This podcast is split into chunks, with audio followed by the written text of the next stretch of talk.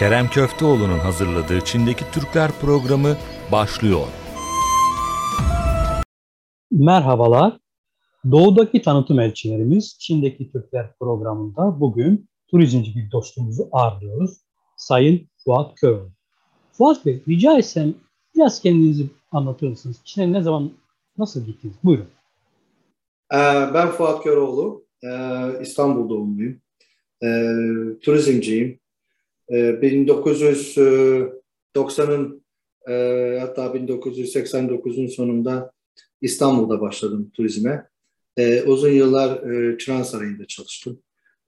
Oranın saray kısmının açılış ekibindeyim. Oradaki gençlik yıllarımızda çok şeyler öğrendik. 18 yıl Çıran Sarayı'nda çalıştıktan sonra yine Kempinski bünyesiyle yurt dışına açıldım. Son 14-15 senedir yurt dışındayım. Ee, bunun bir Çin'de 8 sene oldu.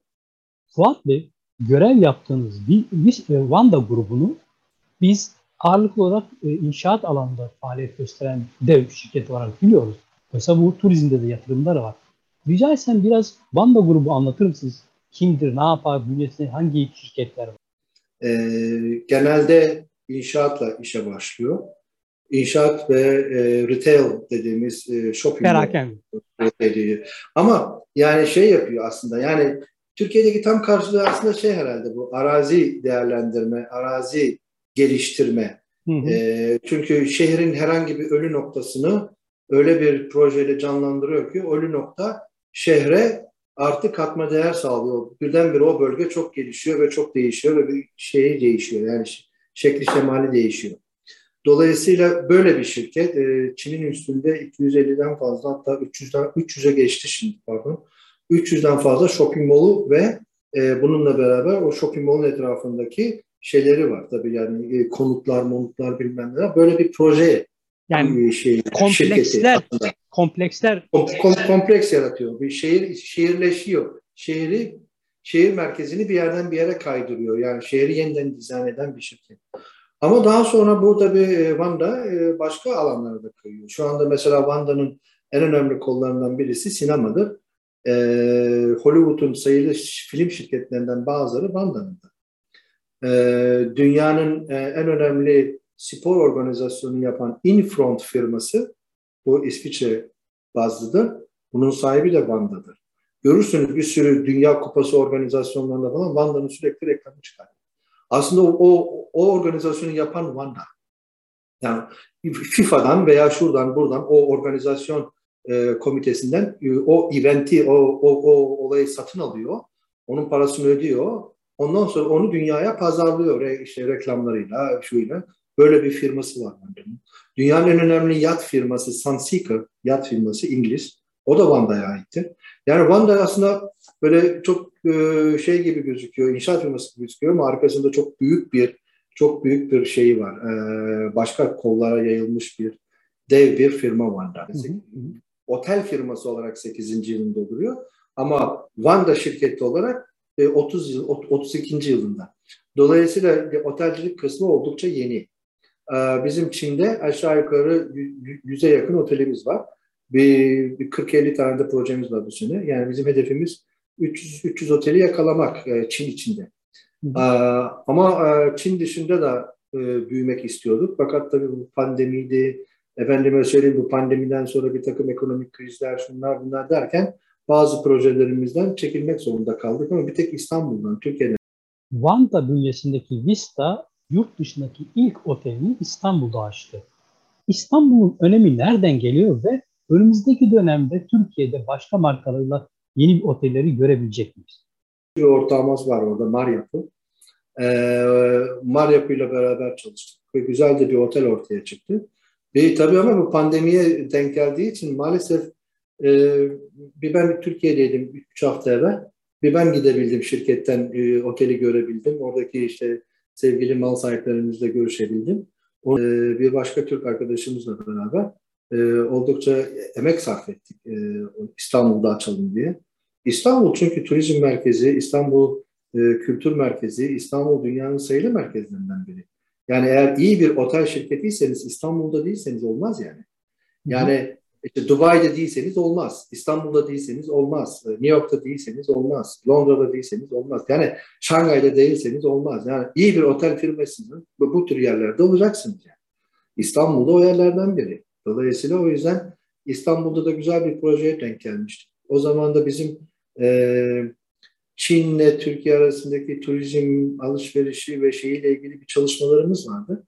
Dolayısıyla bu projede denk geldi. Oradaki mal sahiplerimiz de Çin üzerine e, yoğurmak istiyorlar. Çünkü herkes İstanbul'da ya Orta Doğu'ya yöneliyor ya Avrupa'ya yöneliyor ya da şeye yöneliyor, Rusya'ya yöneliyor. Yani Çin'e yönelen kimse yok mu? Çok e, akıllı bir şey yaptılar, e, hamle yaptılar ve Çin Çin'e yöneldiler ve Çinli firmayı oraya getirdiler. Sağ olsunlar.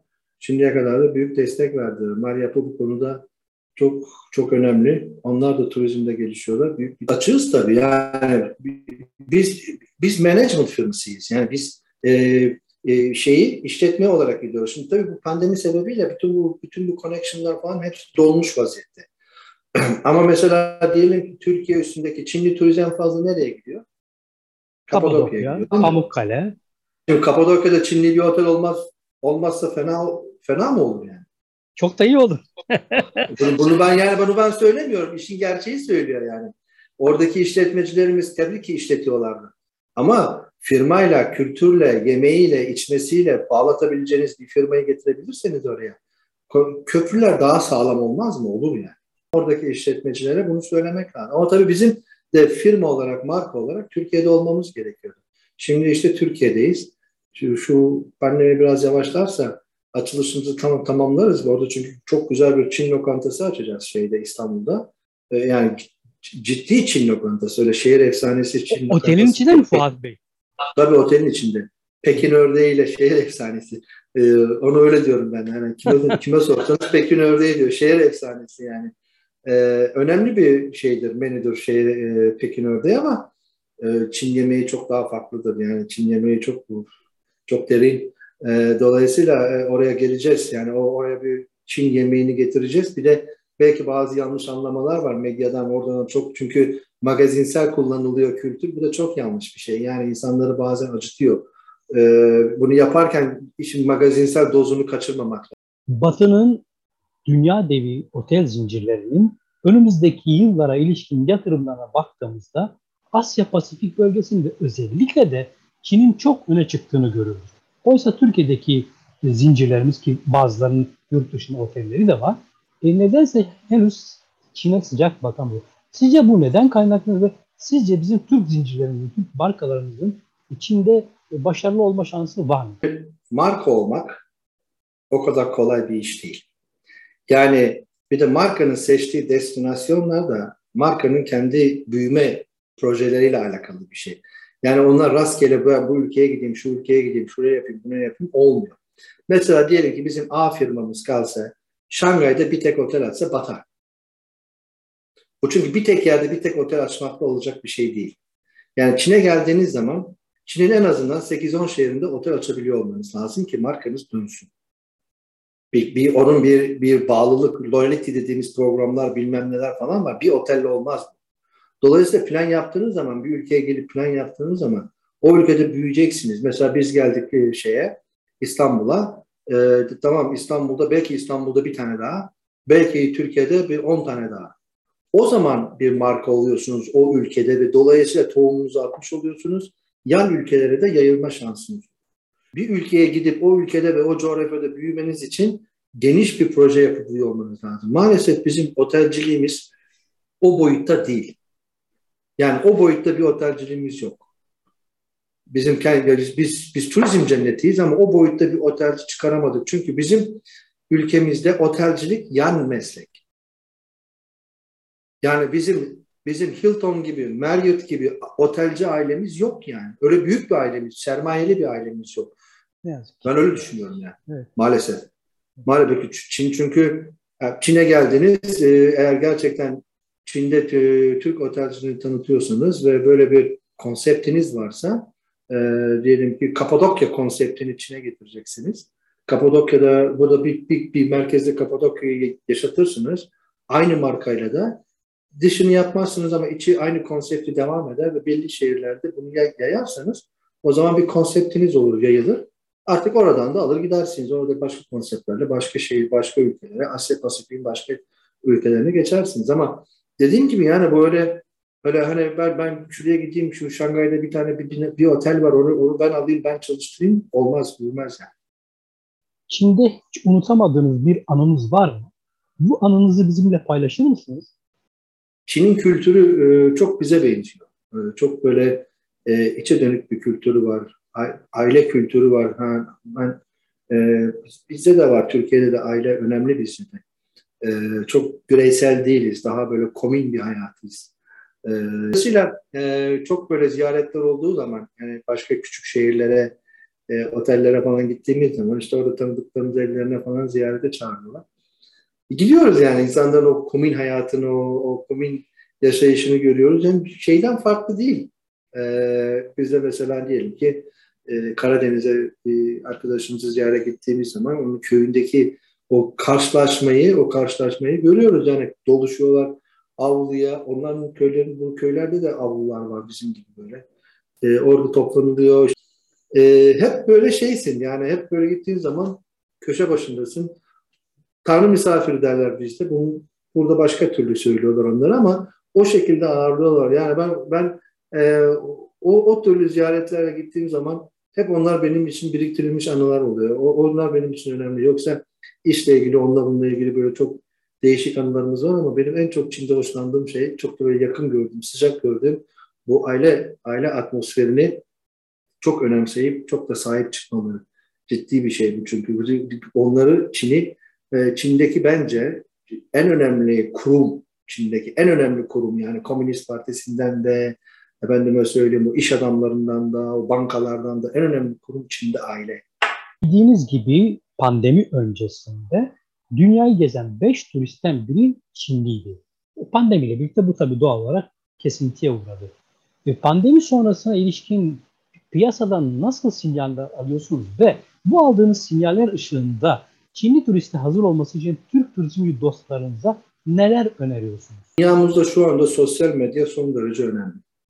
Herkes haberleri, her şeyi sosyal medyadan öğreniyor. Kimse televizyondan bir şey öğrenmiyor. Gazeteden hiç kimse bir şey öğrenmiyor. Yani Dolayısıyla sosyal medya son derece önemli. Son derece anında haberdar oluyorsun. Bir şey oluyor bir dakika sonra bir milyon kişi biliyor. Dolayısıyla bu kadar hızlı bir e, haberleşme ve iletişim döneminde bizim kendimizi tanıtmaya devam ediyor olmamız lazım. O güzelliklerimizi şu anda kimse gitmiyor olsa bile sürekli sürekli haberleştirilebiliyor olmamız lazım. Sürekli onları tanıtabiliyor olmamız lazım. Kriz dönemleri tanıtımın en yüksek olduğu dönemler olması lazım e, o turistlerin ilk seçeneği siz olabilmeniz için. Çünkü e, bu pandemi dönemi bir kere kolay gidecek bir dönem gibi durmuyor. Bu bir. İkincisi pandemi döneminden sonra kapıların hemen herkese kolayca açılacağı gibi bir düşüncem de yok benim. Yani çünkü herkesin ekonomik sıkıntıları son derece yüksek oldu. Dolayısıyla her hiç kimse kendi parasının yurt dışına çıkmasını istemeyecektir. Böyle yani. Tutacaktır içeride. Dolayısıyla bu ekonominin bir şart. Ekonomi yön verecektir turizme. Dolayısıyla bu tür sıkıntılar sadece pandemiyle olmayacak. Bazı ekonomik sıkıntılarla da olacaktır. Bu şartlar altında insanların gezmesi, dolaşması birazcık kısıtlayacak. Yine olacaktır. Yani çünkü, çünkü 1.4 milyar %10'u 140 milyon dışarı çıkıyor. Dolayısıyla onun yarısı çıksa 50 milyon çıkacaktır. Yani 70 milyon çıkıyor. Türkiye nüfusu kadar çıkacaktır. Dolayısıyla oradan işte pay alabilmek, oradan yeterli pay alabilmek için biz şeyimizin e, tanıtımımızı devam ettirebiliyor olmamız lazım. Onlar çok önemli. E, ve e, ben yıllardır söylüyorum Çin'e ilk geldiğim günde anlamıştım bunu. Çin, Çinli, Çin, Çinliyle ile iletişim kurabiliyor olmamız lazım. E, iletişim kurabilmek için işte ne bileyim bazı yerlerde şimdi değişmeye başladı şeyler e, e şeyler tabelalar e, işte menüler şunlar bunlar falan Çinlilerin anlayabileceği şekilde olması lazım. O onların ödeme şekli. Burada hiç kimse para kullanmıyor. Hı hı. Yani ben Çin'de parayı en son ne zaman kullandığımı hatırlamıyorum. Hiç. Bütün alışverişlerimi hep online üzerinden o kara kodları okutarak yapıyorum. Dolayısıyla yani onların da para taşıma alışkanlıkları yok. O parayla ilgilenen şeylerimiz yok. Burada mesela şeyler yok. Yani burada böyle bahşiş vermek gibi bir kural yok burada. Ama bizim ülkemizdeki hizmet sektörü bahşişle kazanan çocuklar. Dolayısıyla onlar bu, bu mesela Çinlere göre ters. Burada yok çünkü burada hiç hiçbir otelde, hiçbir restoranda kimse kimseye bahşiş vermiyor. Böyle bir alışkanlıkları yok. O yüzden herkesin anlamayı anlamış olması lazım. Belki o menülerin üzerine koyacak küçük servis charge'lar verilmesi lazım. O servis servis e, ücretlerinin işletmeci tarafından personele dağıtılması lazım ki Çinli'den bir şey istenmesin. Onları rahatsız etmemesin. Onlar kendilerini kötü hissetmesinler. Çünkü inanın bana Çin'de bu sosyal medya çok güçlü. Yani bir kişi kendini kötü hissediyorsa kesin bin kişiyi etkiler. Kesin. Kalsın. Memnun kalırsa çok insan getirirler. Ee, gelirse de Türkiye'nin e, Çinli Türkiye'ye alışveriş için gelmez. Çinli Türkiye'nin doğasını görmek için gelir. Çok doğa sevdalısı var. Yani der ki her yere gidip doğada orada burada fotoğraf çekip kendi o yerleri görmek istiyorlar. Bizim kuzeyimiz, güneyimiz cennet bunlar için. Ve bir iyi tarafı ne Çinli turizmin? 12 ay. Adamlar 12 ay geziyorlar yani. Bizim gibi sadece yaz turizmi diye bir şey yok burada yani. 12 ay geziyorlar. Dolayısıyla 12 ay ülkemizi bu, bu şekilde besleyebiliriz. Türk Hava Yolları çok iyi bir girişimde bulundu. 4-5 yere birden uçmaya başlamıştı pandemiden. Eğer onlar böyle kesilmeseydi çok güzel olacaktı. Yani buradaki büyükelçilik ve diğer devlet kurumları bu konular üzerine çok iyi çalışıyorlar. Konsolosluklar süper çalışıyorlar.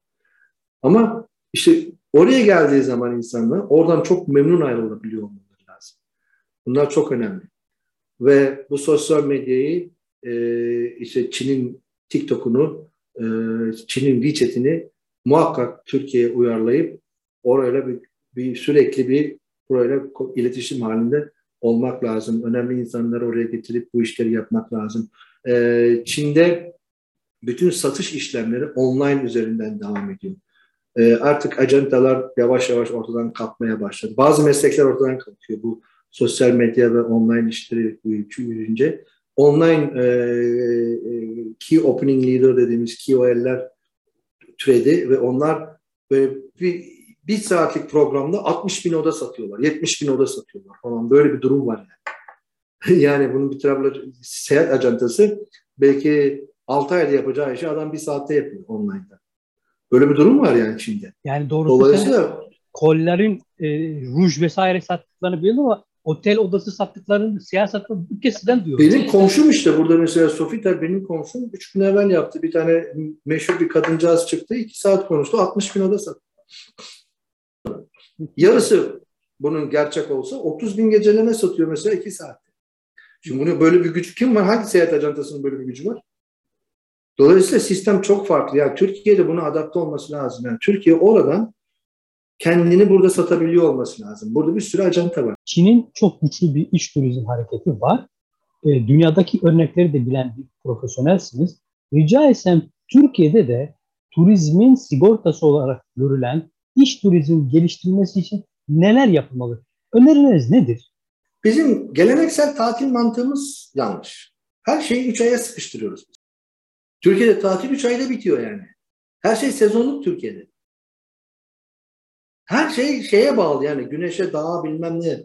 Yani nedir yani 3 ayda 3 ayda e, bütün bir senede 15 gün o da yazın bir tatil yap. Tatil mantığımız bizim deniz, kum ve şey e, plaj ve işte bu budur, budur yani. Bizim böyle hani gezelim, görelim, orayı öğrenelim, burayı öğrenelim, tatil yerini öğrenelim, şunu öğrenelim. E, görülmemiş yerleri görelim. Bizde böyle bir durum söz konusu değil yani. Böyle izinlerimiz bizim hep yazın mesela. Çin'de mesela senelik izin kavramı çok nazik yani. Çok böyle 10, 5 sene 10 sene çalışacaksınız da 10 gün 10 gün senelik izin alabileceksiniz. Yani adam işe girdiği zaman senelik izini 5 e, gün, 3 gün, 5 gün öyle senelik izinler. Öyle senelik izin hakkı yok insanların. Kullanmıyorlar zaten. Öyle bir durum yok yani. Dolayısıyla yani ama devlet tatilleri öyle bir yayıyor ki böyle ve e, tatilin 12 aya mümkün olduğu kadar yaymak lazım. Türkiye'mizin de her köşesinde mesela değişik, değişik mevsimlerde değişik şeyler söz konusu olabilir yani. Dolayısıyla e, daha doğa turizmini, daha böyle e, köy turizmini, daha böyle e, sağlıklı turizmi bir sürü alternatif bulup tur, turizmin Türkiye'deki e, tatil yapacak kişileri yazlık turizmden uzaklaş. Yine yazlığa da gitsinler. Ama on, onları da yapabiliyor duruma gelsinler. e, mutfakla aranızın çok iyi olduğunu biliyorum. E, dolayısıyla zaman bulduğunuzda bu hobinizi tatmin edebiliyor musunuz ya da başka neler yapıyorsunuz? Hobi, hangi hobilerinizi tatmin Genel genel durumlarda e, boş zamanlarım olmuyor ama yaratmaya çalışıyorum. Yani boş zamanım yok. 7 gün çalışıyorum çünkü. Ama kendime ait bir zaman yaratmaya çalışıyorum. Sonuçta yemek yemem lazım ama mesela hafta sonu benim yemek pişirmek bölümüm. Genelde Türk yemekleri yapmaya gayret ediyorum. Ben Rumeliliyim. Rumeli yemekleri yapmaya çalışıyorum. Ondan sonra e, Çin yemeklerini arkadaşlarım geliyor işte mutfaktan arkadaşlarım var. Başka otel genel müdürleri var. Kendi aramızda bir sosyal yaşantının da ada olduğu için burası her ne kadar büyük de olsa bir ada sonuçta. Yani yaşam burada biraz daha ana karadan farklı. Dolayısıyla o adanın şartlarına uymaya çalışıyoruz ama e, otelci olduğumuz için ve yiyecek içecek kökenli olduğumuz için yemek bizim için şey e, bir ihtiyaçtan ziyade bir eğlence. Olarak biz burada büyükelçiliğimiz ve konsolosluklarımıza destek veriyoruz. Onların yaptıkları çalışmalara e, katılmaya gayret ediyoruz. İki, iki ülke arasında bir, bir komünikasyon sağlansın. E, yapabildiğimiz kadar. E, konsolosluklarımız gayet başarılı çalışıyor. Onlar kendi e, bölgelerinde e, komiteler kurdular. O komiteler sadece hani illa bir şey yapmak için bir komite değil ama bir böyle network dediğimiz, komite demeyeyim de networking yapıyorlar ki Türkleri bir arada tutup onlarla bir sinerji yapılabilmesi için. E, Sanayi Odası e, gibi... Ticaret odamız kuruluyor evet. Ticaret Odası. Kuruluyor, evet. Ticaret Odamızı kurma çalışmalarımız var. O konuda ilgili o konuyla ilgili e, çalışmalar yapılıyor. Görev yaptığınız Hainan Adası, Sanya, Hainan Adası'nın Sanya ülkesi e, çok turistik bir bölge. Burada özellikle de hem e, turizm hem de free shop alanında çok ciddi yatırımlar var ve çok güçlü yatırımlar bunlar. E, Türkiye'den herhangi bir markanın burada bir şansı var mı? Yani e, fırsat var. Çin'de bir kere yani Çin'in yapısı enteresan. Çin, Çin mesela e, e, siyasi bakımdan e, işte komünist bir ülke gibi gözükmekle beraber e, aslında Çin artık dünyadaki yönetim şekliyle yeni bir yönetim şekli oluşturmaya başladı dünyada.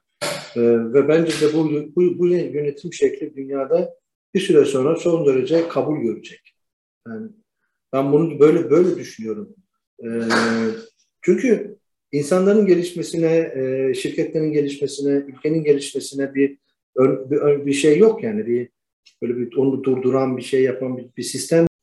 Şimdi dünyadaki en fazla kahve Çin'de tüketiliyor. E, tax free bir duruma geliyor. Dolayısıyla tax free adası ada haline gelebilmesi e, ve buradaki bir takım e, işletme, Çin'deki bir takım işletmenin de buraya gelmesi buranın ticari anlamdaki gücünü, yani Hainan Adası'nın ticari anlamdaki gücünü çok daha arttıracak. Ee, sebepleri var kendi içinde Çin'in buraya böyle yeniden bir kredi etmesi için. Yalnız ekolojik bir ada burası. Burada hiçbir fabrika yok. Fabrika izin vermiyorlar. Fabrika açamazsınız yani.